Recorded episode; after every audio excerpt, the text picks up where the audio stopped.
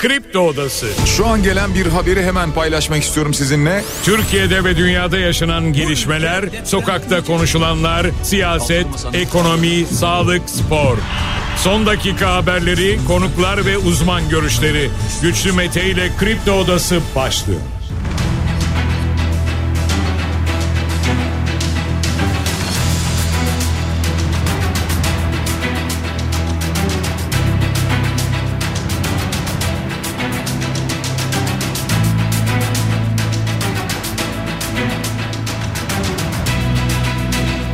Şubat Salı sabahından Kafa Radyo'dan Kripto Odası'ndan tüm Türkiye'ye yurt dışında bizi dinleyen dinleyicilerimize günaydın. Hepinize sağlıklı ve güzel bir gün dileyerek programımıza başlıyoruz. Bugün de Kripto Odası'nda saat 10'a dek sizlerle birlikte olacağız. Gündemdeki başlıkları değerlendireceğiz.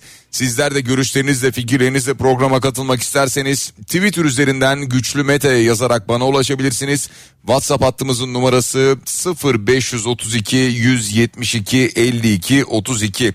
Hemen gündemdeki başlıklarla başlıyoruz programımıza. Erzincan İliç'te arama faaliyetleri durduruldu. Madem faciasında vahim ihmaller olduğu iddia edildi ifadeler ortaya çıktı. Batan gemideki 5 denizci halen aranıyor. Aliyev Türkiye'ye geldi. Seçildikten sonra ilk ziyaretini Türkiye'ye gerçekleştirdi. Türkiye bölgede barışın garantörü dedi. Cumhurbaşkanı Erdoğan'la başka neler konuşuldu? Bunlara yer vereceğiz. CHP Lütfü Savaş'ın adaylığının devamına karar verdi. Dün gece saatlerinde gelen bir açıklamaydı bu. Detaylarına bakacağız. İstanbul'da Esenyurt'ta ve Güngören'de belediye başkan adaylarını değiştirdi CHP. Ekrem İmamoğlu'ndan Meral Akşener'in kendisine yönelik sözlerine şöyle bir yanıt geldi. Yorumları muhatap almayacağım dedi Ekrem İmamoğlu. MHP aday listelerini Yüksek Seçim Kurulu'na teslim etti. Zaten aday listelerinin dün ve bugün teslim edilmesi bekleniyordu ki dünden itibaren bu teslim süreci başladı. Gelecek Partisi ve Deva Partisi Ankara il başkanları istifa etti. İkisi aynı gün istifa etti. Diğer istifa haberlerine de bakarız. Profesör Doktor Naci Görür'den çok net açıklamalar var. Marmara'da 300 milyon ton molozu nereye gömeceksiniz diyor. Bir deprem olduğunda ortaya böyle bir yığın çıkacağını söylüyor. AK Parti mitingine cemaati götürmeyen imama sürgün iddiası var ki bu iddia imamdan geldi sevgili dinleyiciler. Ukrayna'daki savaş nedeniyle 23 bin kişinin kayıp olduğu bilgisi paylaşıldı. İstanbul'da Red Kitler, İzmir'de Daltonlar operasyonu gerçekleştirildi. Yakalananlar var. Mesai saatleri haftalık 45 saatten 40 saate düşebilir. Bununla ilgili bir çalışma hazırlanıyor Türkiye'de. Olur mu olmaz mı bilmiyoruz. Ve Türkiye'de son 53 yılın en sıcak Ocak ayı yaşandı. Gelen veriler bu şekilde. Serbest stil güreş milli takımı 31 yıl sonra Avrupa şampiyonu oldu. Zaten üst üste gelen madalya altın madalya haberleri vardı. Tebrik ediyoruz. Süper Lig yayın ihalesinde yayıncı kuruluşa bir rakip çıktı. Türkiye Futbol Federasyonu açıkladı. Saran Medya. Ve Kulüpler Birliği'nden e-bilet açıklaması var. Yani Pasolik tarihi mi oluyor sorusu gündeme geldi. Dün itibariyle bunlara da bakacağız önümüzdeki dakikalarda sevgili dinleyiciler. Hemen bir de finans tablomuza bakalım biz. Dolar şu anda 30 lira 87 kuruş. Euro 33 lira 26 kuruş. Gram altın 2003 lira. Ancak hemen bir de şu saat itibariyle bankaya bakacak olursak Dolar 31 lira 49 kuruş. Euro 33 lira 91 kuruş. Altının gramı 2036 lira. Yani çeyrek altın artık herhalde 3550 civarındadır diye tahmin ediyorum. Borsa İstanbul'a baktığımızda dün çok az bir kayıpla kapattı. BIST endeksi 9196 puanda yine 9000 puanın hatta neredeyse 9200 puanın üzerinde diyeceğim ama çok az altında 9196 puanda. Bitcoin 51.938 dolara gerilemiş durumda. Kısaca başlıklarımız böyle. Biliyorsunuz sadece bu kadar değil. Paylaşacağımız birçok haber var. Mümkün olduğunca şu saatlerde dünden bugüne şu dakika kadar gelen tüm haberleri sizlerle paylaşacağız. Malum şimdi önce Erzincan'dan başlayacağız. Erzincan'da arama faaliyetleri durduruldu. Sebebinin ne olduğunu zaten aşağı yukarı tahmin edebilirdik. Çünkü öncesinde gelen bir açıklama vardı ki Bağımsız Maden İş Sendikası örgütlenme uzmanı Mert Batur yapmıştı bu açıklamayı. Dedi ki çöpler altın madeni sahasında 10-20 santimlik kayma var. O nedenle dün itibariyle çalışmalar durduruldu dedi. Bunu dün söyledi bu arada. Yani çalışmalar aslında daha önceden durduruldu. Bunu söyledi.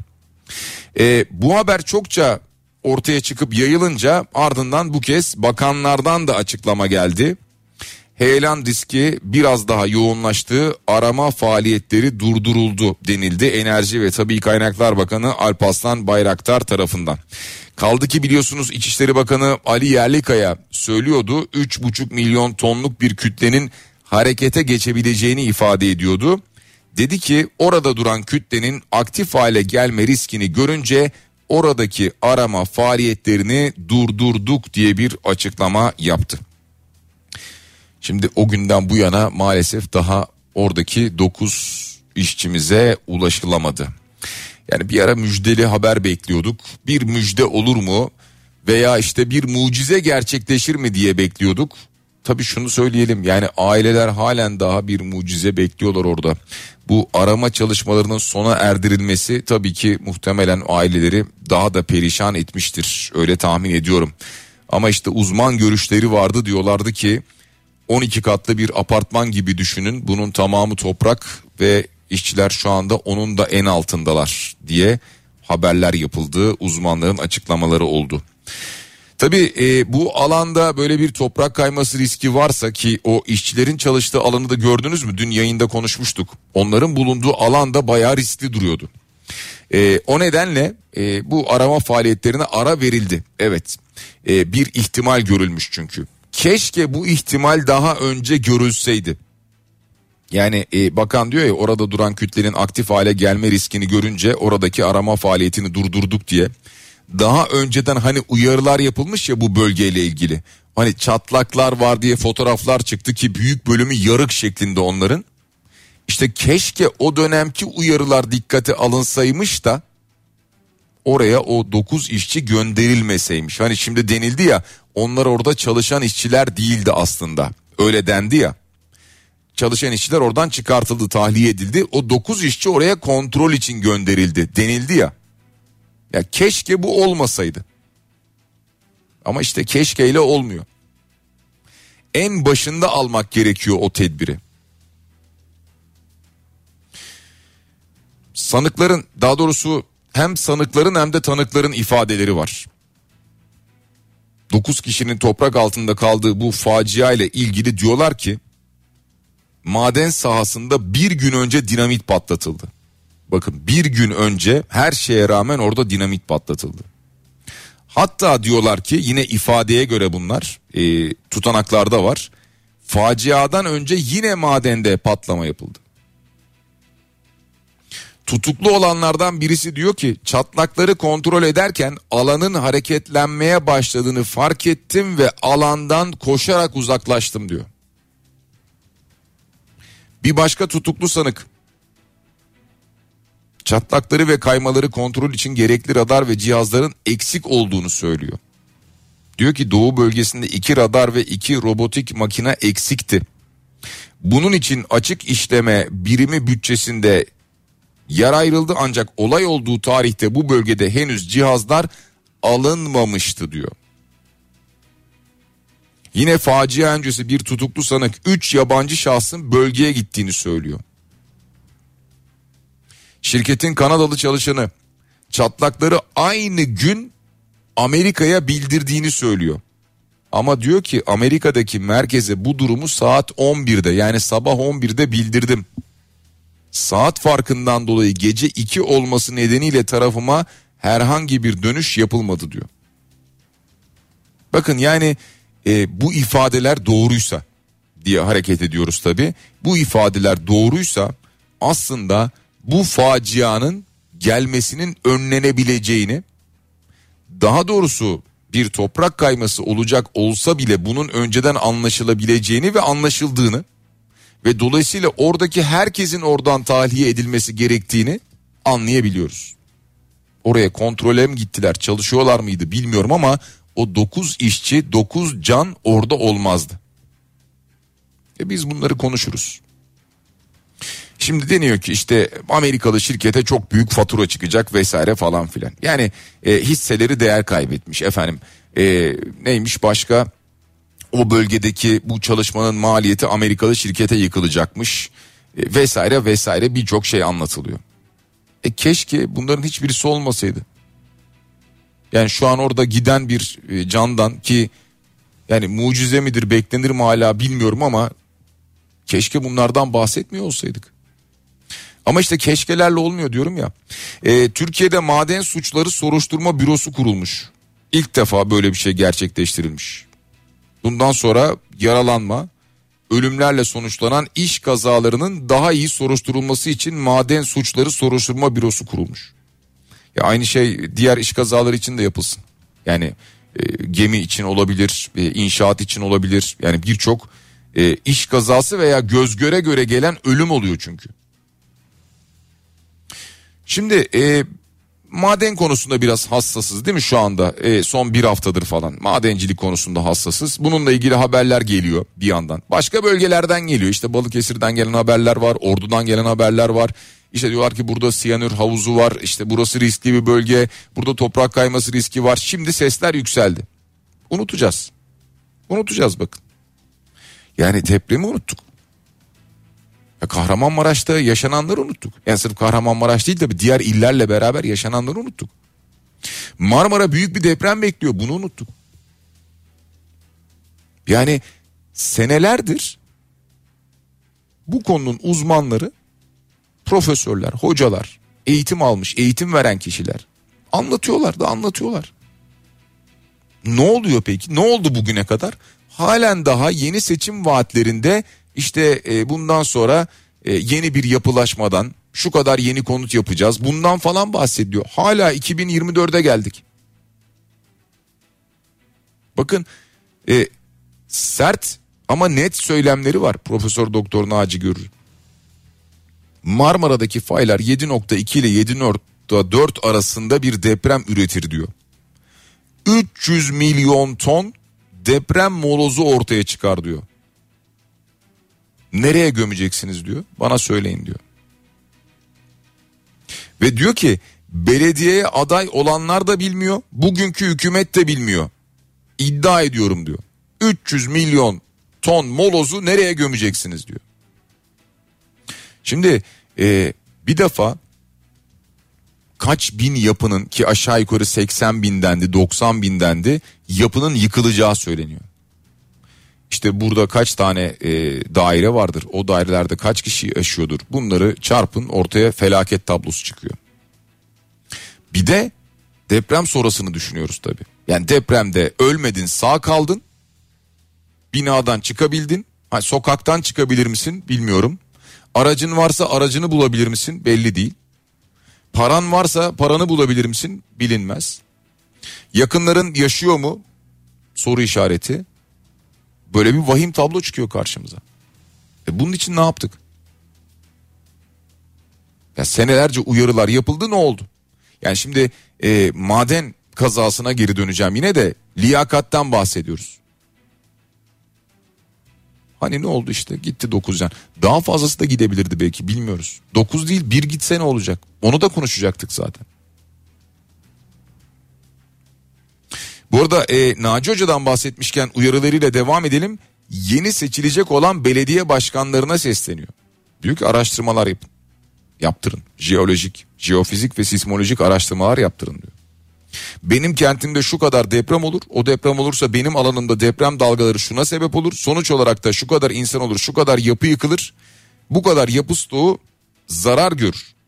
Bunları hesaplayın diyor. Çalışmalarınızı yapın diyor yani. E, biz de dediğim gibi yani e, şu konuşulur. Ya işte hoca da çok söylüyor falan filan. E, çok da bilmiyor canım işte. Niye böyle gündemde tutmak için konuşuyor falan. Bizde böyle abuk subuk şeyler konuşulur. Konuşuluyor zaten. Biliyorsunuz Marmara'da e, batan bir gemi var. E, maalesef e, üst üste böyle haberler geldi. E, şimdi orada biliyorsunuz aşçı Zeynep e, Kılıç'ın cansız bedenine ulaşmıştı. Ekipler ki defnedildi sonra Allah'tan rahmet dileriz. Beş denizci kayıp onlar için bir e, çalışma halen daha devam ediyor. Yani 51 metre derinlikteki batığa e, 8. dalışı da gerçekleştirmişler. E, bu arada bir yandan e, yani insansız bir şekilde bir robotla da arama çalışması devam ediyor. E, soruşturma sürüyormuş halen daha. E, kayıp denizcilerden Hüseyin Tutuk'un ailesine gönderdiği video üzerine savcılık harekete geçmiş. 6 saat boyunca neden yardım istenmediği soruşturulmuş. HTS kayıtlarını istemiş savcılık. Kayıp denizcilerin telefon görüşmelerini mercek altına almış. Yani buradan acaba bir e, soruşturma yürütecek bir şey bulabilir miyiz diye şu anda HTS kayıtlarını istemiş. Savcılık telefon görüşmelerini inceliyormuş kayıp mürettebat.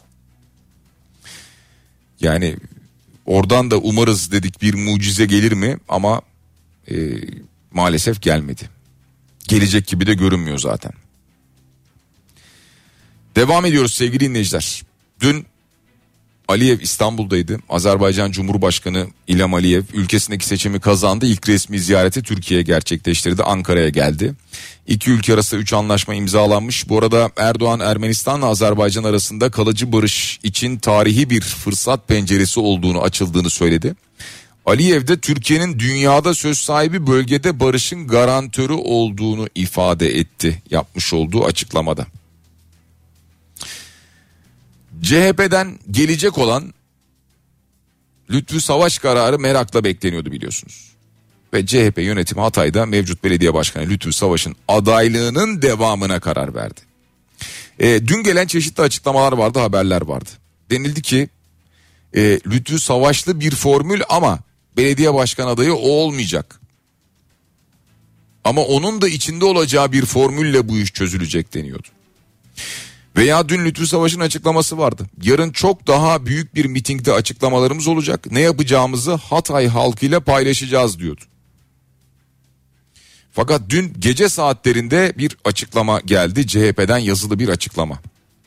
Partimizin Hatay Büyükşehir Belediye Başkan adaylığı üzerine yapılan son değerlendirmeler sonucunda il örgütümüzün, ilçe örgütlerimizin, ilçe belediye başkan adaylarımızın talep ve mutabakatları üzerine Lütfü Savaş'ın adaylığının devamına karar verilmiştir denildi. CHP'den böyle bir açıklama geldi.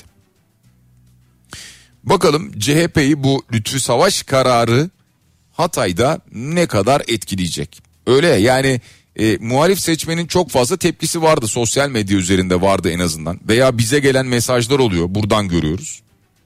E, çokça tepki vardı ama Hatay halkının tepkisi varsa eğer sandıkta ortaya çıkacak. Çünkü bazı dönemlerde de biliyorsunuz diyoruz ki ya bu bölgede halkın tepkisi olur ve buradan oy çıkmaz bu kişiye diyoruz veya bu partiye diyoruz. Bakıyoruz o içinde e, eskisinden daha fazla oyla oradan çıkabiliyor mesela.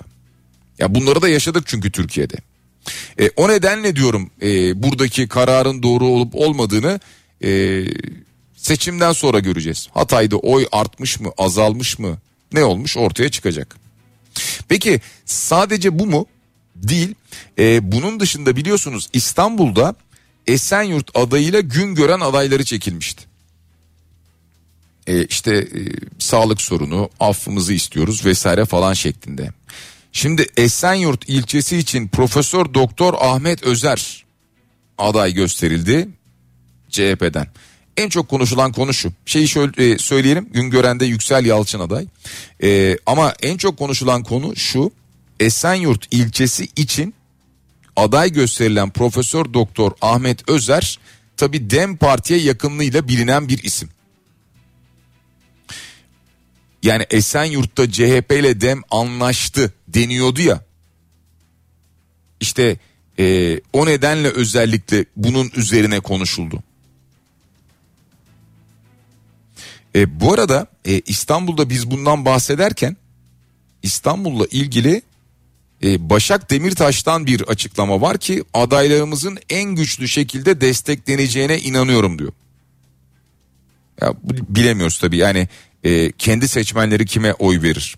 E, Meral Danış Beştaş ve Murat Çepni biliyorsunuz DEM Parti'nin İstanbul'daki adayı.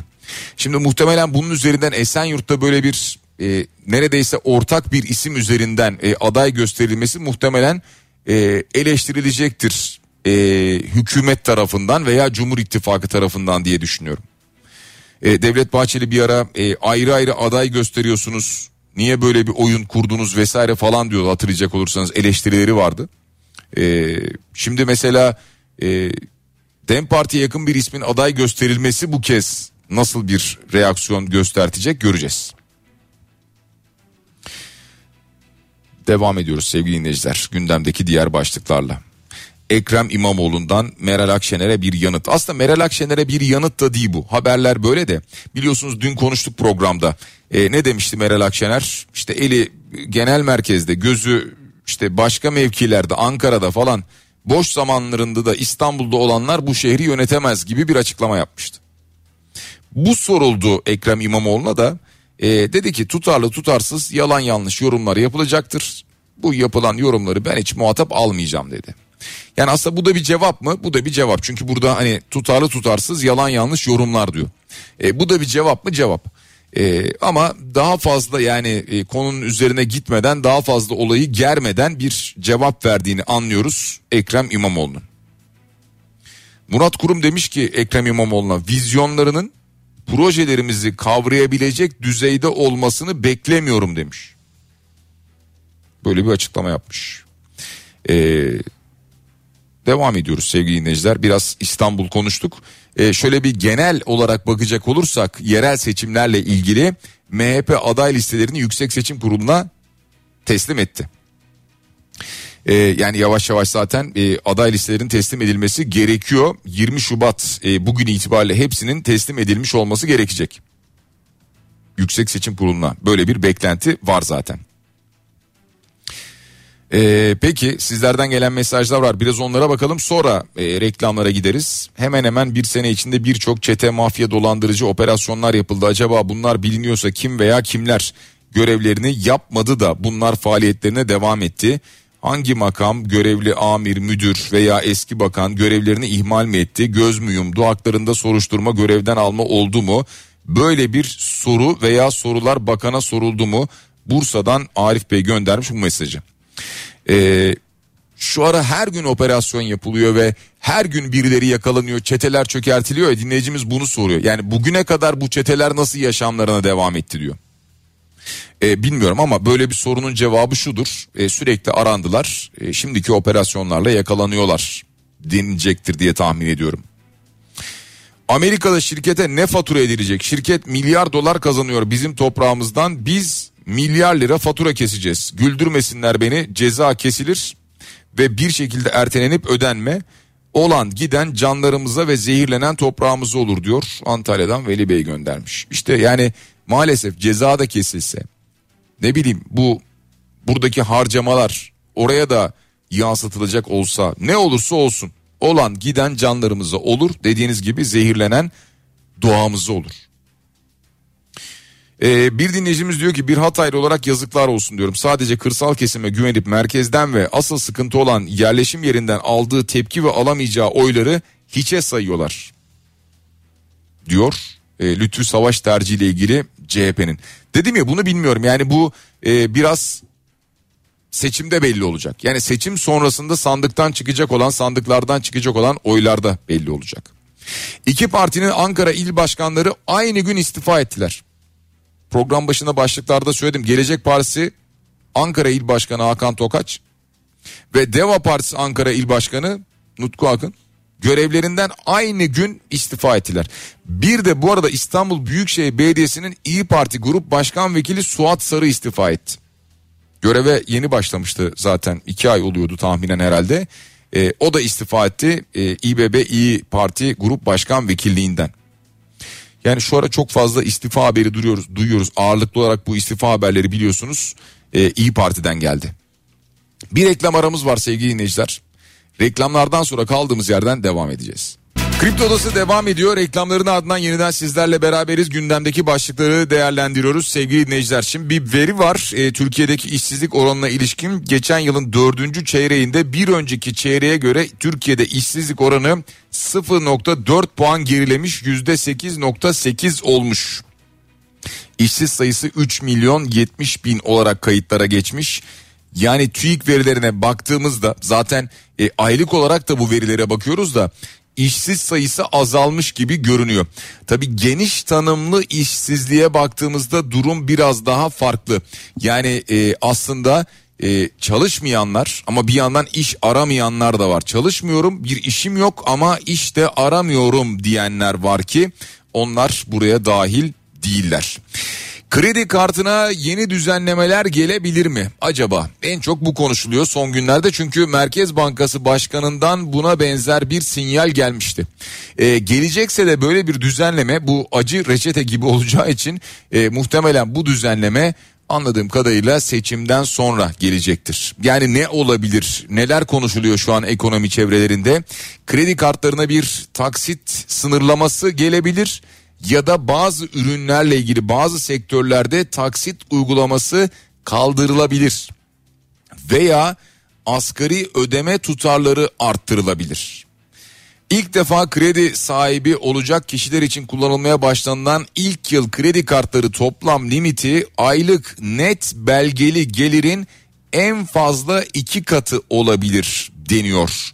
Bunlardan bahsediliyor. Yine caydırıcı olması için kredi kartı faiz oranları arttırılabilir deniyor ki bildiğim kadarıyla bu faiz oranları düşürüldü bu ay. Ee, yani arttırılmadı diye hatırlıyorum ben. Ee, bunun gibi tedbirler olabilir deniyor kredi kartlarına ilişkin. Yani harcamaları biraz daha sıkılaştırmak adına atılacak olan tedbirlerden birisi de kredi kartı tedbiri olabilir deniyor.